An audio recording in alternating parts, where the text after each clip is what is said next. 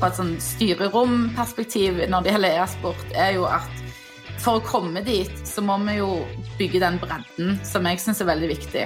Og som en hvis, hvis, jeg ønsker å være en seriøs e-sportaktør i kommersiell sammenheng i Norge, så tenker jeg det er viktig å legge, legge, til rette for da, å, organisere denne e-sportidretten. Og ikke minst la det være altså, treng, Toppen trenger bredde, og bredden trenger topp. Enkelt og greit. Og det tenker jeg vi skal være med å fasilitere hvis vi vil ha vekst. Hei og velkommen tilbake til I loopen. Og dette er fortsatt eh, podkasten som eh, holder deg i loopen på det aller mest spennende som skjer i norsk eh, virksomhetsliv. Og, og, det skal vi i dag også. Men det er noe ekstra spennende som skjer i denne episoden, fordi vi har ikke bare én, men vi har to nye programledere, faktisk. Vi har Guro, som har gått ut i permisjon allerede. Og jeg skal også ut i permisjon! Det blir jo helt nydelig. Så Marte, velkommen. Marte Kornstad. Tusen takk. Takk, du er liksom den, den ene på en måte, Du er min co-programleder her i dag. Ja. Uh, så vi kan bare ta deg først. Hvem, hvem, er du? Hvem er jeg? Stort spørsmål å åpne med, Andreas. Ja, ja, ja. Start med de store spørsmålene. Uh, start med de store spørsmålene. Hva er det som er interessant for lytterne å vite? Det er kanskje at uh, datainnsikt, det er, det er min greie. Det er det jeg jobber hver dag med å bli enda bedre på. Og prøver å, prøver å hjelpe lederne med å ta bedre beslutninger. Da basert på, på, data. Så det håper jeg vi kan eh, ta enda litt mer om i podkasten fremover. Vi kommer jo gjerne ofte inn på det med data, viktigheten av data, så blir det deilig å ha en litt sånn mm, litt, ja. litt ordentlig god innsikt der. Det blir, det blir, fint. Ja, og ellers så er jeg interessert i mye. Jeg har en sånn skade at eh, så fort jeg lærer litt mer om noe, så blir jeg eh, veldig interessert i det. Det er jo litt skummelt. Så på sånn Netflix-serie her nå om Formel 1. Plutselig så skal man se på Formel 1, ikke sant. Og så var det Queens Gambit, og da var det sjakkbrett. Og det, det, gjelder egentlig ellers også. Så det blir spennende å se hva vi kommer borti i podkasten. For da får vi se alt jeg kommer til å bli interessert i også, da. Hvilket er, rabbit hole du skal hoppe ned i. Ja. Helt riktig. helt riktig. Ellers så, ellers er det gøy å mm. slenge inn. Sånn fotball det er egentlig det har alltid vært min greie. Og løping. Glad i fotball og løping. Okay, okay. Så bare sånn kjapt, hvorfor har du sagt ja til det her, da? Hvorfor har jeg sagt ja?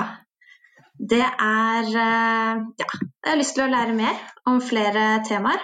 Og så er det jo bare en sykt kul mulighet da, til å få snakke med så mange flinke folk. Altså de som enten kan mest om et tema, eller som sitter midt i da, endringen, mm. eller ja, opplever da, det vi sitter og snakker om. Eh, mm. Hvor kult er ikke det å få lov å snakke med de? Det er veldig gøy. Det er jeg helt enig Så, og hvor, eh, vi, pleier jo nå egentlig å introdusere våre gjester litt kjappere, men vi må nesten høre med vår første interne gjest, som også er vår neste programleder. Liksom alt bare klaffa. Vi jo, kan avsløre det dere har sett i uh, tittelen på episoden, at vi skal snakke om gaming og e-sport.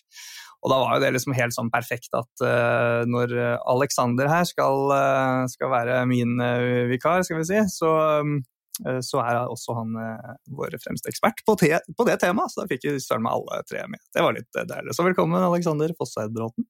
Tusen takk. tusen takk. Og du har jo vært med før på podkasten, så det er ikke et helt ukjent ansikt eller stemme. Nei, jeg var med for noen, nesten nøyaktig et år siden på når vi gjorde TMT Predictions for 2020. Og da snakket vi om Media eh, and Telecom. Ikke sant? Disse akronymene vi alltid har. Eh, og da drev jeg og Guro intervjuet en av våre utenlandske eksperter på hva som kommer til å skje eh, innenfor telekom, media og um, tech. Og, så hvem, hvem er ja. du, da?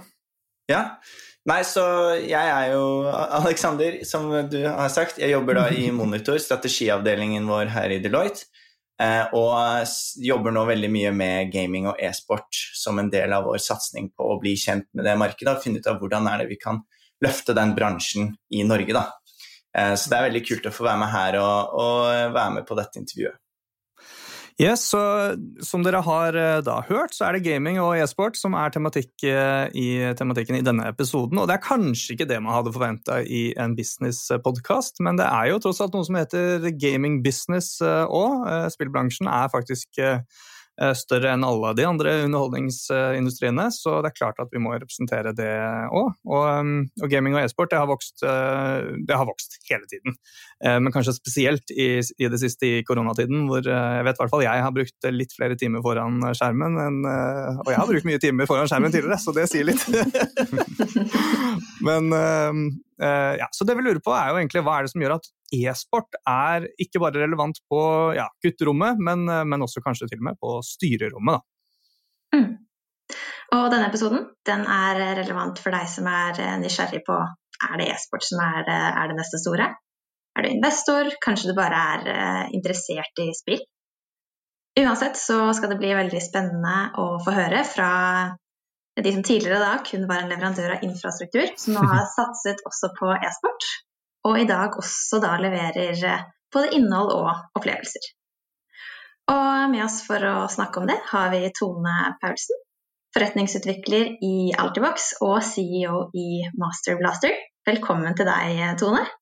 Tusen, tusen takk for det. Hjertelig, hjertelig velkommen. Etter den ut, ufattelig lange introen, så er du endelig på. ja, og så må jeg jo si velkommen til deg også, da, Aleksander. Aleksander Fosseidbråten, leder for gaming og e-sport i Deloitte Norge. Velkommen til deg også. Takk, takk.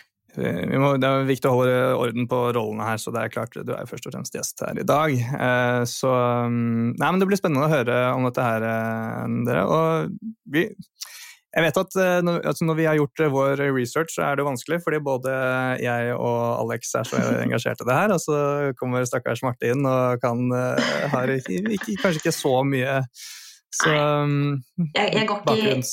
jeg, går nok ikke i deres, deres gruppe med, med, ekstreme entusiaster, men jeg syns mm. jo det er et spennende, spennende, tema, uten tvil. Man hører så mye om e-sport.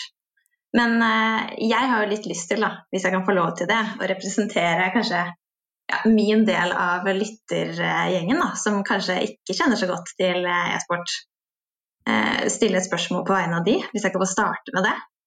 Eh, jeg har gjort research og, og, lest og prøvd å forstå forskjellen på, på gaming og også e-sport. Og så forstår jeg at e-sport det handler mer om det, konkurransen i det. At du enten som et lag eller individuelt er med i en liga eller konkurrerer i en turnering. Det er liksom e-sport-delen.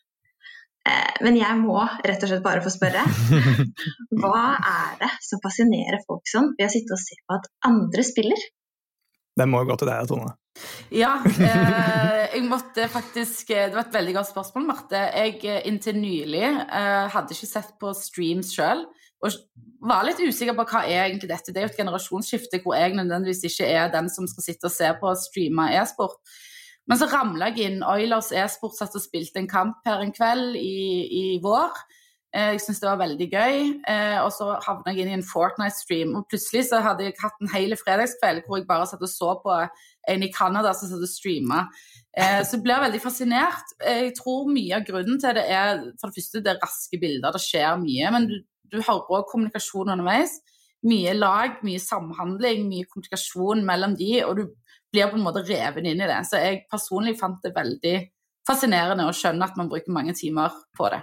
Ja, det er et eller annet med altså Jeg, jeg ville jo svart liksom sånn eh, Hva er forskjellen på å se på noen spille, spille Fifa eller spille et skytespill? Eh, hva er forskjellen fra det enn å se på noen spille fotball? på en måte?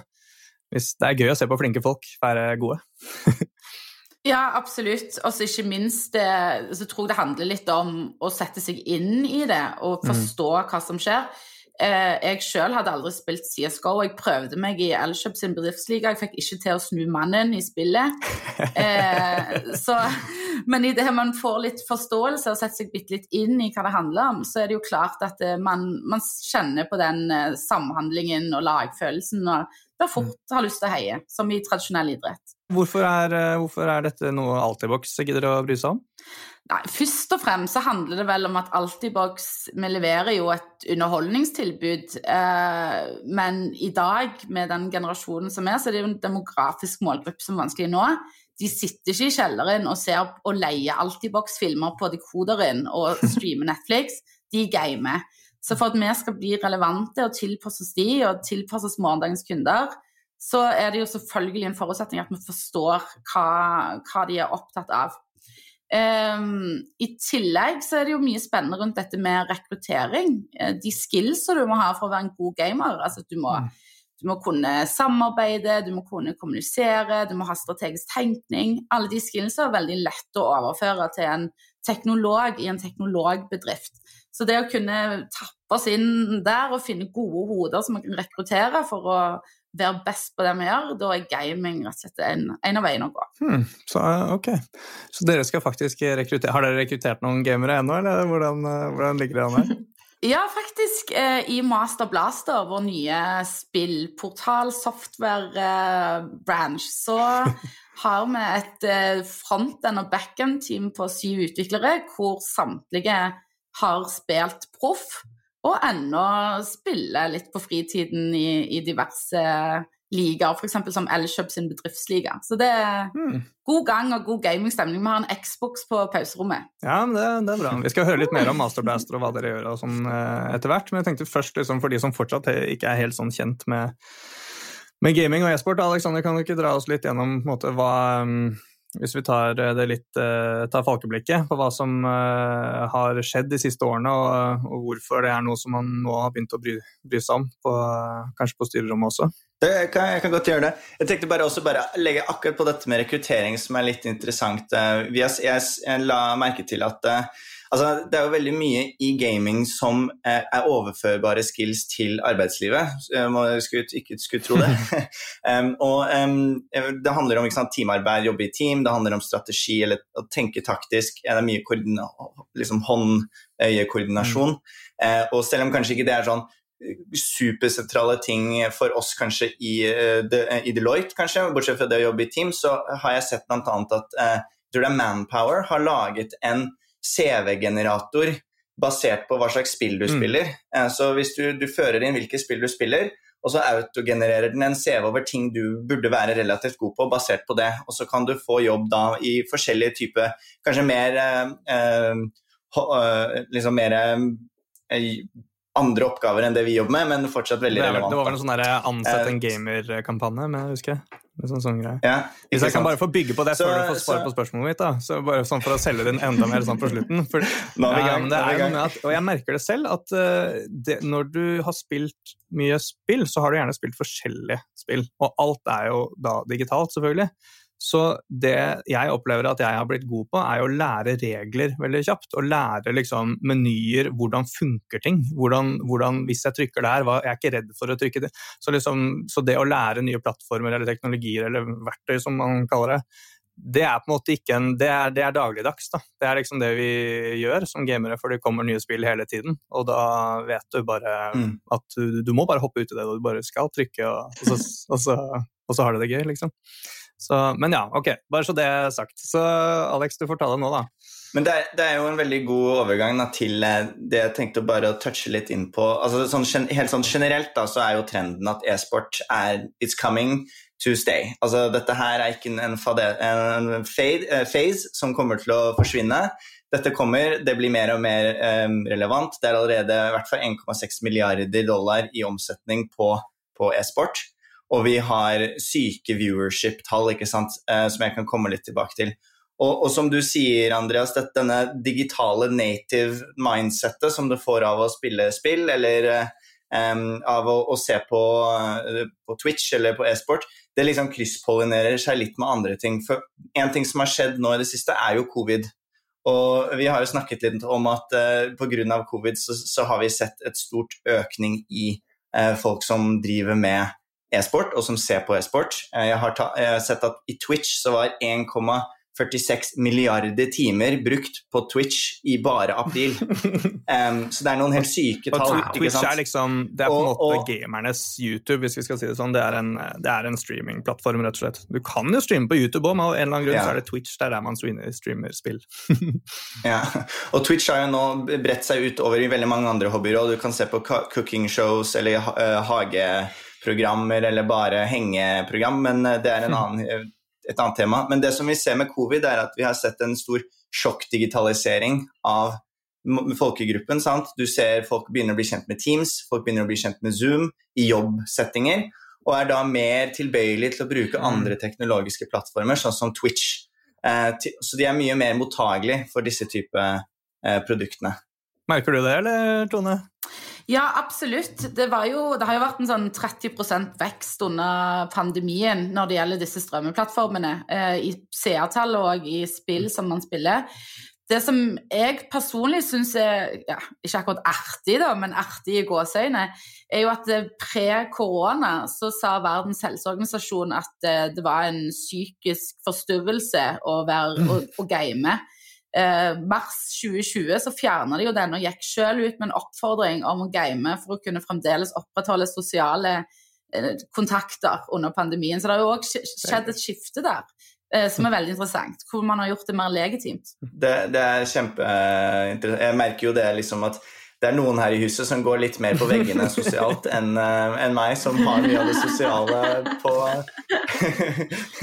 Forsiktig, um, forsiktig nå, Aleksander. Ja, jeg må jo si det for min egen del, at det er jo Men, de jeg holder mest kontakt med. Det er jo de jeg gamer med, faktisk. Fordi det er bare sånn klokken er halv ti, og jeg hadde ikke slått på tråden og snakka med noen da, men jeg tar kanskje et game med Warzone, og da er kompisen mine der, liksom. Uh, folk som har flytta til Trondheim, og det som, er, som jeg ikke ellers liksom, ser i daglig uansett. Så plutselig så er det de jeg har mest kontakt med. Det er litt gøy, da. Nei, jeg må bare skyte mm.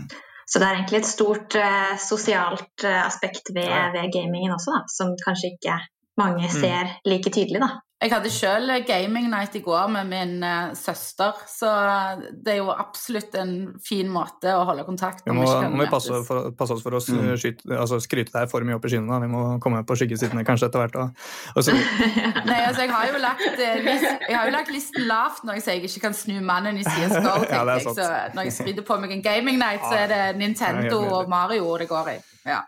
ja.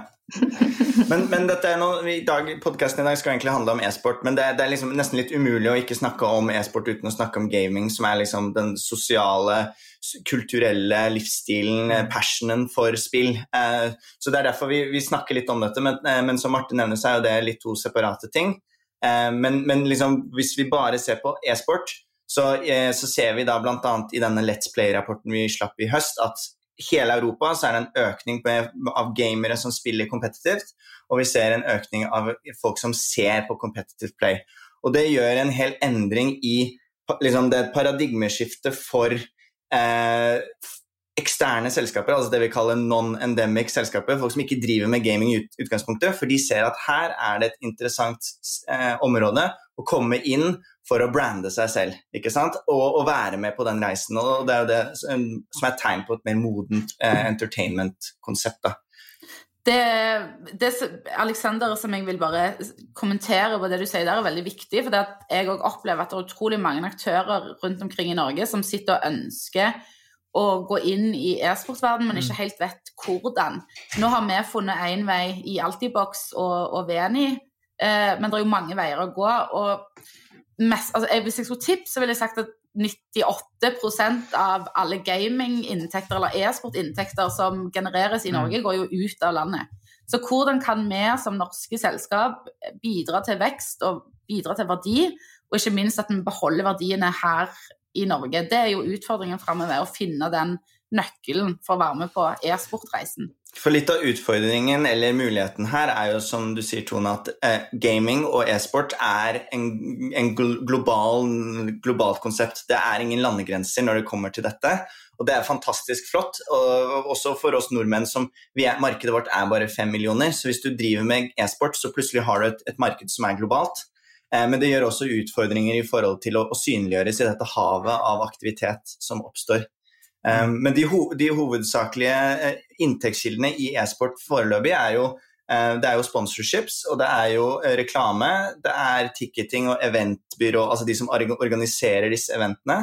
Og så er det jo medierettighetene, streamingrettighetene, og så klart publisher fees, da, de som lager spillene, som, som, skal ha lisensiering for det. Da. Så det er et stort ekkokammer av penger her som går i omløp, og det er mange muligheter for aktører fra forskjellige bransjer til å bli en med på dette da, og ta mm. sin bit av, av det området. Absolutt. Eh, og det er jo det jeg ser mange gjør, og, og, heldigvis. Jeg tenker særlig i Norge, som er så flinke på teknologi og utvikling, så er det synd at vi skal ligge tilbake når det gjelder e-sport, at vi ikke klarer å hevde oss. Så det er veldig bra at mange begynner å se på det, og at vi kan løfte dette litt sammen. Eh, mm. og, og, styrke e-sport i Norge, eh, tenker jeg er viktig. Kan du ikke si litt om hva dere gjør, da? Jo, vi gjør noe veldig spennende. Eh, vi har lagd en eh, plattform som heter Master Blaster, som er en eh, portal hvor du kan logge deg inn, lage deg en bruker, opprette en liga, spille en liga, opprette et lag osv. Hovedfokuset vårt på denne portalen det er jo ikke noe banebrekkende i seg sjøl at det er en portal for gaming. Det gjør man Det finnes det mange av.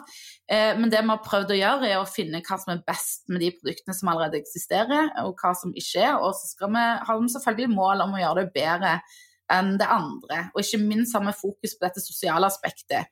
Eh, Morten i Stavanger skal kunne spille med Gunnar i Trondheim. Eh, og vi skal enkelt kunne knytte de opp sammen når de skal kunne lage seg et lag og delta på lik linje som andre. Ingen skal måtte sitte alene og spille. det er viktig for oss. Da dere fant ut at eh, e-sport og gaming det var noe dere i Altibox ville, ville, gå nærmere inn på, Tone, hva var det som lå, lå til grunn der? Eh, hvordan kom dere til det valget og gikk videre, videre inn på det? Det, det, var egentlig en litt sånn tidlig tanke allerede rundt 2019, eh, hvor vi tenkte ok, hvordan kan vi tilpasse oss morgendagens kunder? Hva kan vi tilføre verdi, og, og særlig denne gruppen unge voksne som er vanskelige nå. Da var jo selvfølgelig e-sport eh, noe som poppet opp, men vi visste ikke helt hvordan vi skulle håndtere det. sånn som På lik linje med flere som sitter og vil inn, men ikke helt vet hvordan. Så gikk vi sammen med lokale selskaper, et uh, software-selskap som heter Veni, uh, og Smedvik og Lyse. Så det var fire aktører som gikk sammen og tenkte ok, hva kan vi eventuelt gjøre, hva er det et behov for. Så vi tok en markedstest og gjorde en pilotering nå i vår, 2020 Eh, for å se om det i hele tatt var et marked for en sånn type portal som kunne tilføre noe, noe ekstra, og ikke som eh, mm. bare ble et supplement. Og det var det, så da har vi nå gitt full gass hele høsten 2020. Eh, og har masse spennende tanker og planer for hvordan vi skal bygge videre på det etter hvert. da. Så det er, bare så jeg forstår det riktig, så er det en, eh, du, du, kan opprette dine egne ligaer. Altså det er en måte å organisere lag på, og en måte å organisere liksom grasrotligaer. Er det riktig? Stemmer. Så ja. istedenfor Så det er liksom sånn krysning mellom e-sport og gaming, sånn sett, fordi gaming er kanskje det som er litt mer casual, det som er uorganisert, og så prøver dere å organisere det uorganiserte, men det er ikke en offisiell liga, på en måte. Så det er sånn kult. Ja, det, det, var faktisk ganske godt sagt. Eh, veldig godt beskrevet, faktisk. Eh, og hvor vi som sagt ja, prøver å sette en organisert eh, form på det. Eh, er det noen premier involvert og sånn, da? Eller liksom, noe, gjør dere noe med de ligaene liksom, sånn sett? Ja, På sikt så vil det jo komme og legges ligaer der, uten tvil. Eh, hvor man kan mm. konkurrere. Man skal ikke måtte være proff for å være med, men eh, Muligens. Um, mm. Ja. Og så har dere i tillegg Altibox E-serien. Det har vi òg. Eh, vi gjør jo veldig mye spennende på gamingfronten i Altibox for tiden. Vi har eh, den E-serien. Vi har òg Vi sørger for den laveste pingen Eh, for gamere hvis man kjøper fiber fra Altibox, hvor til og med blir prioritert hvis det skjer noe på linja di mens du gamer. Så blir du prioritert i køen. Det, det er veldig bra. Og så har vi jo gått inn som hovedsponsor for Become Legends, som er et norsk Fortnite-team. Som er kåra til Europas beste, med ambisjoner om å bli verdens beste. Som gjør det veldig, veldig bra i Fortnite. Mm. Så, ja. Og E-serien det det er, på en måte det samme som Eliteserien, eh, som sendes på TV og TV2, Zoom og sportskanalen og det som er, er det ikke sånn? Stemmer det. Og det er Fifa det går i. Det er Fifa, ikke sant. Mm. Jeg, bare, jeg bare, tenkte tilbake til liksom sånn Fordi du nevnte Vi snakker om dette med den, eh, det, dette veldig strukturerte eh, eh, e-sport, som er liksom proffnivået, og så har du dette casual-markedet under. Og litt sånn avhengig av hva slags type selskap du er, så, så, så er det litt sånn vinklingen du burde tenke på der. fordi hvis du skal treffe brukerne, så er det jo mengden er jo i dette casual eh, Ikke casual, men pass på ikke gå helt over til bejeweled og liksom mobilspill, men, men liksom de som gjør det som en hobbynivå. Og da, har, da er det nettopp dette uformelle segmentet å liksom være med i det spacet. Mens hvis du skal mm. treffe e-sportnivå, så er det en mye mindre spillerbase, men du får en økt viewership. Fordi det er det folk ser på. sant? Det er ingen som ser på deg og meg spille, Andreas, selv om vi skulle ønske det. Men, men, alle ser på liksom Shroud eller Fnatic og disse store lagene spiller mot hverandre. Så avhengig av hva slags type selskap du er, da, så skal du enten, enten sikte på liksom elitenivået, eller så kan du være med på røkla. da. Um, og det er mange spennende selskaper som tenker marginer og tenker liksom, eh, små marginer per pers, men det er sykt store mengder mennesker som driver med gaming. Eh, som da kan ha en businessmodell i det sjiktet. Så det er, det er, litt kult å se sant, noen som ikke bare tenker på elite, men også tenker på begge nivåer. Da. Kan jeg bare stille et raskt oppfølgingsspørsmål der, Aleksander? Eh, fordi du sier at uh, ingen gidder å se på deg og Andreas uh, game. og det er jo greit nok. Men i min research så, så jeg også at det er en del, en del gamere som ikke nødvendigvis blir sett på fordi de er så flinke, men fordi de heller er morsomme. da. Og, og, og tilbyr noe, noe, mer enn kun ferdigheter. Er det, er, det, et eget marked? Kan du gå litt mer inn på er det, er det forskjellige segmenter her? Eh, ja, eh, altså Tone, det kan kanskje du også litt, men jeg kan jo begynne. Det, som, det som, på en måte er med det, det, du kaller liksom de morsomme spillerne, hvis vi putter det under en, under en tag sammen med nesten influensere, så, så, handler det om underholdningsverdi. ikke sant? Og de jobber veldig mye med å fange, uh, fange viewership for å eh, promotere produkter. De har ofte affiliates eller partnerships da, som de tjener penger på. Eh, så det er jo en annen type måte å generere verdi på, og liksom et økosystem, hvor da gaming er en av de på en måte temaene man kan bruke til å fange eyeballs. da, ikke sant? Eh, så, og den blir mye, stadig mer profesjonalisert gjennom Twitch, men også det er, masse, mye, det er masse automatikk i bakgrunnen som knytter influensere som tilbyr viewerships, med selskaper som ønsker å få synliggjort sin reklame. Så det er basically en ny måte å drive reklame på. da. Um, men det er som du sier, det krever at vedkommende er underholdende. Det er mye bakgrunnsarbeid for å gjøre disse dynamiske liksom, effektene. og liksom, Du er basically ditt eget broadcasting-studio. sant? Uh, og det, det, er, det, er, ikke like gøy å spille alltid, fordi du bruker veldig mye tid med å følge med på å underholde seerne dine. Uh, mm. Og det, kan, det, er et rabbit hole vi kan snakke om senere. Men uh, jeg tenkte bare å touche litt på de forskjellige tingene der. Det som er interessant, er at um, vi ser en unik mulighet med e-sportsspillere som er på toppnivå, med at de også kan være influensere. Så der hvor i tradisjonelle sporter så ser du f.eks. Ronaldo på banen, og så får du ikke liksom noe innblikk i hans liv, bortsett fra kanskje noen tungt kurerte bilder på Instagram, så følger du ofte disse e-sportsutøverne hjem inn på soverommet deres etterpå. Så du er med dem ofte på hele den reisen deres eh, før hver match og så ser du matchen, og så blir du med han hjem, og når han skal terpe på det han gjorde dårlig. Da. Så det er en mye tettere personlig eh, oppknytning til den individuelle spilleren, da, selv om du ofte heier på lagene, enn det det kanskje er i tradisjonelle sport. Og det, bare for å skyte om det der, og det som er viktig med det der, er at altså det er en, en bi-inntektskilde for dem. Mm. Man skjønner det òg. Mm. For du får inntektskilder på, på, som du sa, på sponsorship på både YouTube og på, på Twitch. Og mange har jo en Twitch-konto som de streamer i flere timer, og så klipper du ut de beste klippene, og så legger de det som en egen video på YouTube, og så får du doble inntekter. Mm. Uh, så, ja, ikke sant? Uh, med kanskje noe viktig lessons learned fra det spillet, eller sånne ting. Men det som er uh, viktig, da, bare for å skyte inn det da, fra et sånn styreromperspektiv når det gjelder e-sport, er jo at for å komme dit, så må vi jo bygge den bredden som jeg syns er veldig viktig.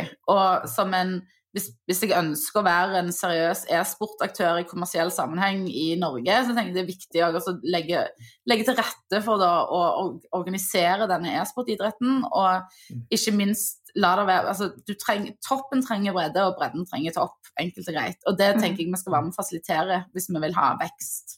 Ja, Er det der de største mulighetene ligger i, når vi går videre? Det å hjelpe til med å organisere det hele? fra mitt perspektiv så tenker jeg det er en viktig bit av det. At vi skal bidra til å gjøre e-sport eh, like stuereint som eh, fotball og håndball. jeg tenker det er veldig viktig, og ikke minst i forbindelse med at det er mye stigma fremdeles rundt e-sport. Skal vi løfte e-sporten, så må vi også ta tak i de stigmaene. Eh, hvis vi skal gjøre det like allment eh, stuereint. Så jeg, jeg syns det er viktige perspektiv å ha med seg hele tiden når man gjør vurderinger. Skulle vi, skulle vi, gått litt inn på, på altså vi, vi, har toucha inn på hvorfor dette kan være relevant for, for andre enn bare gamere. Og, og, ja, men altså, hvordan det var for dere i Altibox å gå inn på noe som var på en måte noe helt annet da, enn man skal, kanskje skulle tro. At det er noe mer enn bare internettilgang og TV-tilgang. Eh, infrastruktur. Så hva har liksom vært de største skal vi ta de utfordringene, da? Hva er de største utfordringene som har vært på veien der? Eh, Tone? Jeg vil jo si, iallfall fra mitt perspektiv, som har eh, vært heldig nok til å jobbe med e-sport nå et lite år, men er langt ifra noen ekspert, så er det jo dette med at det er jo en hel verden der ute som, som eh, du ikke nødvendigvis kjenner så godt til. Så det er mye å, å, å sette seg inn i og forstå.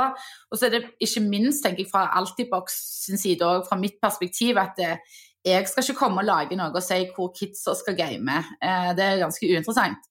Vi må, vi må, spille på lag med de som er gode på det, og de som allerede driver med det.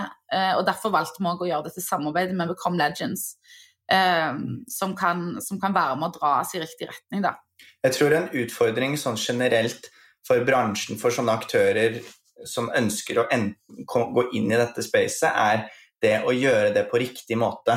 Eh, litt sånn som Tone snakker om at liksom eh, Det handler om å bygge tillit, eller transparens kanskje, som en aktør inn der. fordi gamere, liksom når, når disse store corporations, selskapene, kommer inn, og skal liksom eh, prøve å påtvinge deg produkter, så blir det veldig kunstig, og du kan heller få en motreaksjon.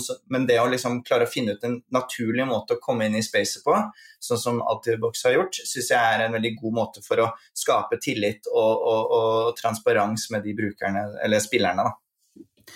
Men så er vi jo òg heldige og, og vi holder jo til i Stavanger i Rogaland. Eh, vi er jo heldige òg at vi har fått rett fordel av å ha en veldig sånn fremoverlent kommune som, hvor både ordfører og næringssjefen ønsker å satse på e-sport og ser alle disse eh, godene da, som det kan få med seg fra et næringsperspektiv. Og det gjør jo òg at vi har fått eh, ting godt tilrettelagt og har et, et, en kommune og en region som spiller på lag med oss.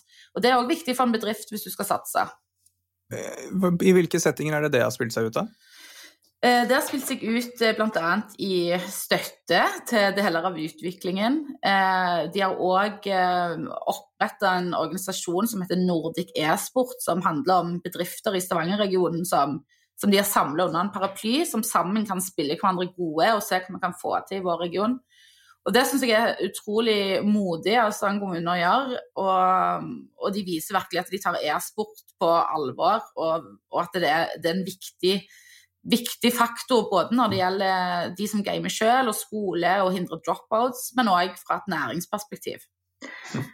Jeg har lyst til å komme litt inn på hvordan det har vært for deg også, Tone. Eh, du nevner at eh, e-sport var veldig nytt for deg.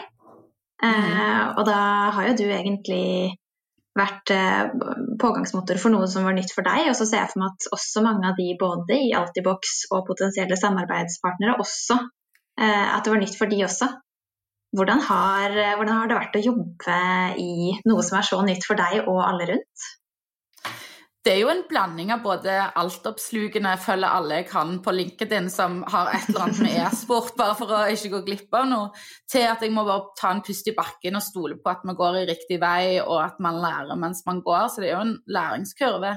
Jeg måtte nå i julen si unnskyld til nevøen min. Han er nå blitt 20, men da han var 12, så husker jeg han sa til meg sånn Du, tante, Eh, jeg har noen kompiser som lever av å game, og meg og søsteren sånn ha, ha, ha, nei, det er ikke, det er ikke riktig. Slå av den der eh, Xboxen din og gå og gjøre noe fornuftig, liksom. Så nå har jeg måttet bite meg i og sagt eh, vet du hva, jeg skulle absolutt ha hørt på deg og undersøkt og satt meg inn i hva du drev med, og måtte liksom krype til korset, da. Så eh, absolutt en uh, bratt læringskurve som er veldig lærerik og, og spennende, syns jeg. Men sånn i, i Outbox, da, er det liksom noe, har du måttet på en måte lære opp egen organisasjon for å få ting til å skje til en viss grad òg, eller? Eller liksom Ja, ja eh, på et vis så, så, er det jo sånn, for i og med det er så nytt domene som ingen av oss har vært borti. Men på den andre siden så er det jo veldig interessant òg i Altibox så har vi en eh, e-sport eh, pådriver, en som heter Morten. Bare name-dropper han. Hei, Hei Morten. Hei, Morten. Jeg ringer etterpå, Morten. Han er en sånn eh, e-sport gaming-guru som kan alt. Eh, så, så, det viser jo òg at de som jobber med teknologi i Altibox, eh, han er en av flere, da, men at det, de har vokst opp med dette på selvfølgelig helt andre rammer og helt annet nett og sånn, men, men at det i hvert fall ligger mye kunnskap og interesse i bånn. Så det, mm.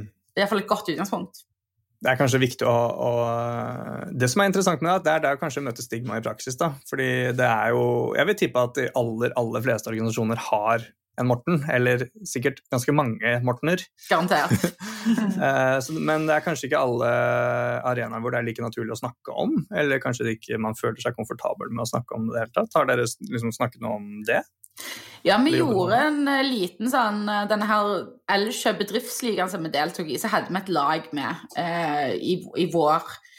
Og da mm, var det et lag fra, som stilte på fem personer, da. Og da sa de etterpå at de hadde blitt bedre kjent i løpet av de åtte kampene i Elkjøp sin bedriftsliga enn de hadde gjort hele tiden de hadde spilt sammen. Så det var jo veldig sånn, interessant at de ble mer sammensveisa og bedre kollegaer og mye bedre kjent, som er jo vinn-vinn eh, fra bedriftens side. Da. Så det syns jeg var veldig spennende tilbakemelding. Ok, Så man må sette opp eh, Man skal ikke bare ha bedriftsfall, man skal ha eh, bedrifts-Fifa også? Ja, ja. Det er viktig. det er nok en bra måte å sveise sammen, uh, sveise sammen organisasjonen på, i hvert fall blant de som er interessert. Um, men det er også jeg tenker, et interessant uh, tema, og der, der titter jeg på deg, Tone, uh, i forhold til uh, ment, mental helse for ungdom. Hvor mye mm. jobber dere med det og ser på den delen? For det er jo et, et sånt verdiperspektiv der også som er ganske spennende. Ja, det er, det, det er jo absolutt veldig spennende. Vi er jo ikke direkte involvert i det på det viset, men vi har et samarbeid med UiS som skal i gang og forske på akkurat det når det gjelder særlig frafall i skolen, og hvordan kan, skolen kan være en mestringsarena med å bruke, ta e-sport inn i skolen. Eh, vi har òg et veldig fint samarbeid med Einherjer, som er til stede på 15 skoler. Eh, og som jobber eh, nettopp av den grunn. Så det er, et, det er, jo et, område vi prøver å bidra til der vi kan. men som, Det er ikke vi som er spesialistene på det, men vi er bevisst på det. Og sånn fra vårt perspektiv, hvis, vår, hvis Master Blaster eller det vi gjør i Altibox, hvis vi kan hindre bare én elev fra å droppe til skolen og fullføre og spare samfunnet den kosten, så er vi kjempehappy. Eh, så det er absolutt noe vi har med oss. Mm. Jeg kjenner jeg er litt spent på å se etter altså Du nevnte Tone at uh, før så, så, ville det vært mer negativ til, til gaming, mens nå er du, er du, positiv. Jeg må jo innrømme som, som, litt sånn utfordrende her i dag, da. Mm. At uh, jeg ville jo fortsatt uh, sett på det som kanskje mer positivt å, å gå ut og, og, spille fotball og ja, om barna skulle gjort det, da, enn å sitte inne og, inne og spille. Og, og, det er jo ikke noe at jeg er noe altså, Nå ser ikke de som lytter oss eh, meg, men jeg er ikke noen gammel eh, tante som har, eh, som har, levd i 100, 100 år, jeg. Eh, relativt, relativt, ung og, og positiv til, til teknologi og, og nye, nye, ting. Men jeg er bare spent på å se om ja, hvordan den utviklingen potensielt skjer, om vi kommer dit. Blir uh, fotballspilling ute og gaming inne, blir det, blir det, hmm. likestilt? Er det sånn at uh, den vanlige mannen i gata på sikt kommer til å tenke at det er, uh, det er like bra om, om, guttungen min gjør det ene eller det andre? Jeg syns det er spennende å se om vi kommer dit. Det er det, og jeg tenker forhåpentligvis så skal mannen i gata tenke at fotball og e-sport er like bra. Eh, det er jo ikke alle som kan spille tradisjonell idrett, kan begynne med det. Og det er jo òg veldig mange barn og unge som vokser opp med å kanskje føle seg veldig anonyme i hverdagen. Men på skjermen og vennene de møter der, så er det gjerne stjerner. Eh, så jeg tror det handler òg mye om særlig som forelder eller lærer, eller i det man dealer med barn som gamer, og setter seg litt inn i hva egentlig som skjer bak skjermen.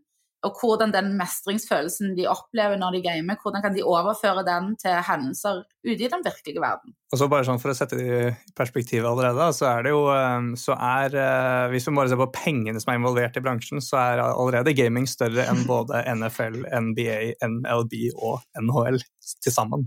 Mm. Alle de største ligaene i, i USA, altså. Så, mm. og liksom Pengepremiene som er involvert, er jo så enorme, så det, og større enn Superbowl, liksom. Så det er eh, Jeg prøvde å finne noe tall på liksom, hvor mange gamere fins, kontra hvor mange fotballspillere altså, som bare spiller, liksom. Det, det har jeg ikke klart å finne, men jeg skulle ikke overraske meg om, om det er flere allerede. Vi har et, jeg har et interessant tall fra Virke et eller annet sted som eh, jeg mener jeg husker nå Ikke quote meg på kilden, men det var i hvert fall én av tre nordmenn gamer. Og den syns jeg er ganske kul.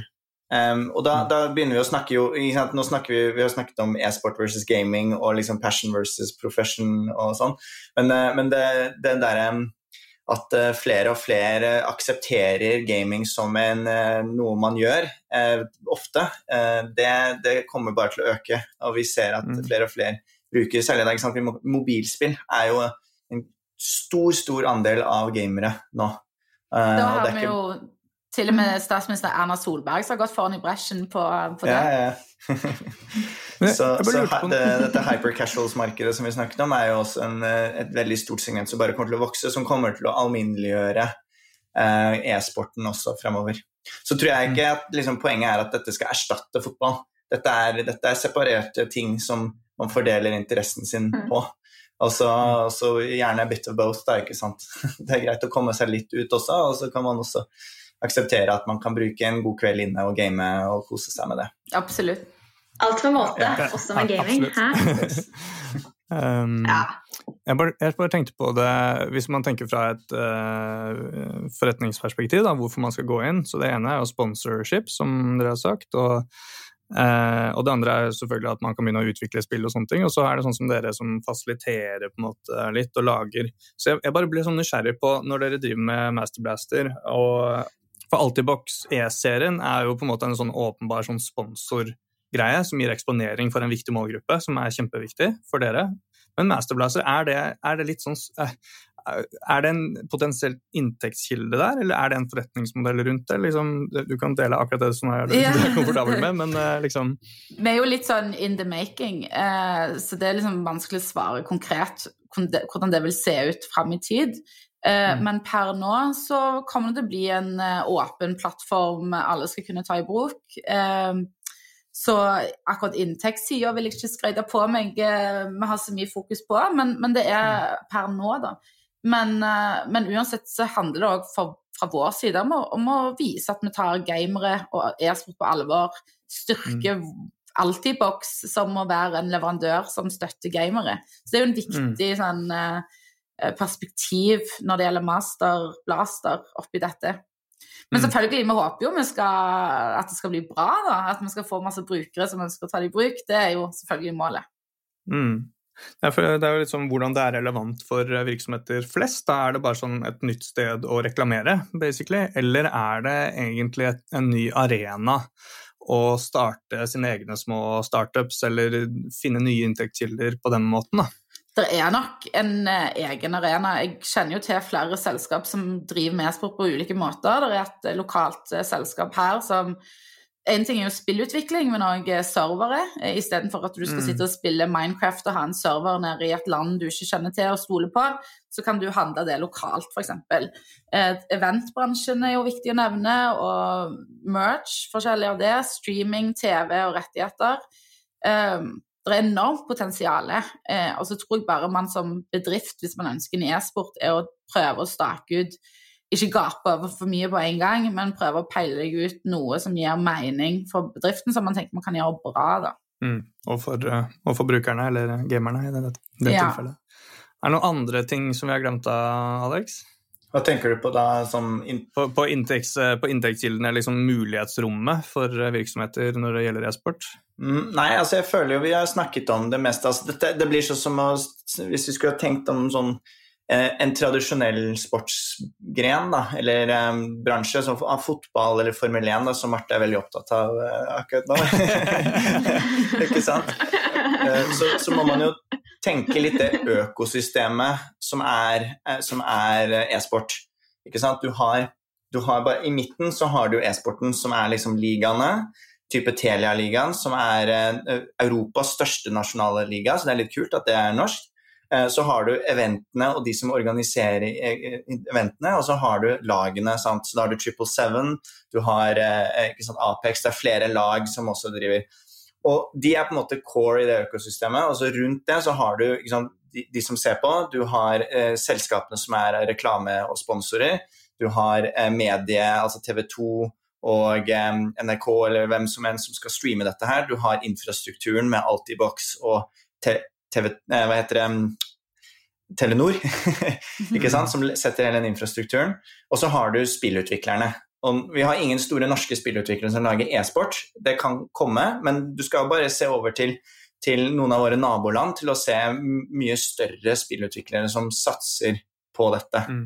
Eh, så det økosystemet der kan man jo finne mange muligheter i. Og det er det derre ekkokammeret jo bedre du lager uh, gaming e-sport, jo flere viewers får du, og jo mer penger er det, og jo mer attraktivt er det å gå inn i det. Absolutt. Jeg skal stille sånn et, eh, et vanskelig eh, og lett si, spørsmål som, eh, samtidig, helt på tampen her, til begge to. Um, og Det går på egentlig hva vi har snakket om i løpet av episoden. Så hvis det er én ting som lytterne skal huske på av de tingene vi har snakket om, hva skulle det vært? Åh, oh, nå spør du veldig godt. Fra et businessperspektiv, business-perspektiv, da. Um, da vil jeg henge meg litt på det Alexander akkurat sa. Se på økosystemet og se hvor kan du med din kunnskap og dine ressurser gjøre noe som tilfører verdi, og spesialisere deg på det. Og ikke minst, jeg er også opptatt av samarbeid. Samarbeid med andre aktører i bransjen, og spill hverandre gode sammen. Ja, eh, det er jo mye av det Jeg, er helt enig med deg, Tone. Og fra sånn businessperspektiv så er det, det er et, det er et eh, helt nytt, uh, umodent marked nå som begynner å ta form i Norge. Og her er det muligheter til å virkelig Det er et rotterace om å få liksom, størst andel, fordi dette kommer til å vokse. Så hvis du klarer å få andelene nå, så bare vokser du mest sannsynlig med det. Og, og det at det er et eh, utgangspunkt til globalt marked, så gjør det også at du har noen helt svimlende eh, liksom, eh, andeler å ta av for å gjøre det. Og Norge er i, ingen, er i en utmerket posisjon da, for å ta led, en ledende rolle i e-sport, fordi vi har høyt utdannede folk, mye teknologi, vi har strømmen til servere. altså Det er, det er ikke en måte på. Mm. Eh, som gamer så er mitt råd at eh, jeg anbefaler dere å begynne å titte litt på det selv. Eh, hvis du har noen i familien som driver som gamer eller ser på, kanskje la dem gi deg en liten innføring. Eh, det, det, er litt sånn, Med en gang du skjønner deg litt på reglene, så plutselig er det mye mer spennende å se på. Eh, og Det er også da oppfordring til deg, Marte, at du burde få med deg det. Jeg venter på Neste gang vi har neste intervju, så, så er det gamingen som har erstattet Formel 1. Så det er ja. Jeg venta på det er noen, det er noen veldig gode gamingserier på Netflix òg, bare så det er sagt. Ja, ikke sant. Og, og, og, og bare fordi du ikke liker ikke sant? Det er en, det, Dette er jo ikke en én enkelt sport, det er en friidrett av mange forskjellige sporter. Fra strategi til skyting til rollespill, ikke sant. Så du kan finne deg det som mm. match, matcher din personlighet. Så smak litt rundt, eh, og, prøv å, og så finner du sikkert noe som er engasjerende. Ja, jeg må, bare... si bare Jeg har spilt Fifa, altså. Flere ganger. Ja. Flere ganger. Og bare sånn når jeg først har muligheten, jeg må bare si det, jeg har til og med slått uh, lillebroren min. Oi, oi, ja, oi, så da fikk jeg sagt det også. Uh, hva skulle du si, Tone? nei, ja, nei, det er herlig, Marte. Fortsett med det. Jeg, jeg vil bare si til alle som hører dette, da, som har barn som gamer du er litt bekymra, samme oppfordring. Sett deg litt inn i det og, og, og se hva de, hva de, egentlig driver med. Så blir det mm. bra. Mm. Ja, men Det er helt nydelig. Da må vi bare takke for, eh, for denne praten og denne episoden til eh, deg, Tone og Aleksander. Og så hører vi jo eh, Aleksander igjen da, i neste episode, og det blir, det blir rart, kjenner jeg. Nå er det liksom babyen som jeg har holdt på med nå i mange år, som dere skal få lov til å styre skuta på i tiden framover. Men det er, det er, ikke noe tvil om at det her blir dritbra. Så jeg håper at alle lytterne bare stay tuned og følger med, for det er masse spennende i vente. Ikke bare gaming. Eller, eller, har dere noen planer som dere ikke har fortalt om? Ja, jeg, tror, jeg, jeg, tror det kommer til å være mange spennende temaer her. Marte og jeg har allerede begynt å spare litt eh, rundt ting, og bl.a. litt hvor du skal framover. Det blir også veldig spennende å se på litt eh, om eh, ikke eh, dette med startup og business eh, Altså hva heter det, kommersialiseringsstrategi. Det er mye spennende på tapeten der. Som kommer. Jeg kan jo, jeg kan jo dele det kjapt, da, at jeg skal være med på noe som heter Antler, som er et sånt startup-program. Så det er for å rett og slett teste meg litt på, i startup-verden. Eh, og Det betyr eh, i første omgang en eh, permisjon, og så får man se hvor bra det går med denne startupen. Om det er noe å starte videre. Så det er liksom litt usikkerhet rundt det. Det blir veldig spennende. Vi, følge nøye i Ja, Vi håper jo det går bra, Andreas, men vi håper jo litt at det ikke skal gjøre det òg, så vi får deg tilbake. Ja, det må jo være lov å si det òg. Det er det, det er det. Nei. Så vi får se. Nei, men eh, da må vi avslutte på samme måte som uh, før og si at det er, vi setter kjempepris på innspill på temaer og spørsmål på podcast.deloitte.no, og det er også mulig å legge igjen en kommentar på sosiale medier eller på YouTube under denne videoen som du ser på nå, hvis du ser på YouTube så, så, er det også lett å få med seg der. Og ellers er det vel bare å si vi høres, Marte? Vi høres.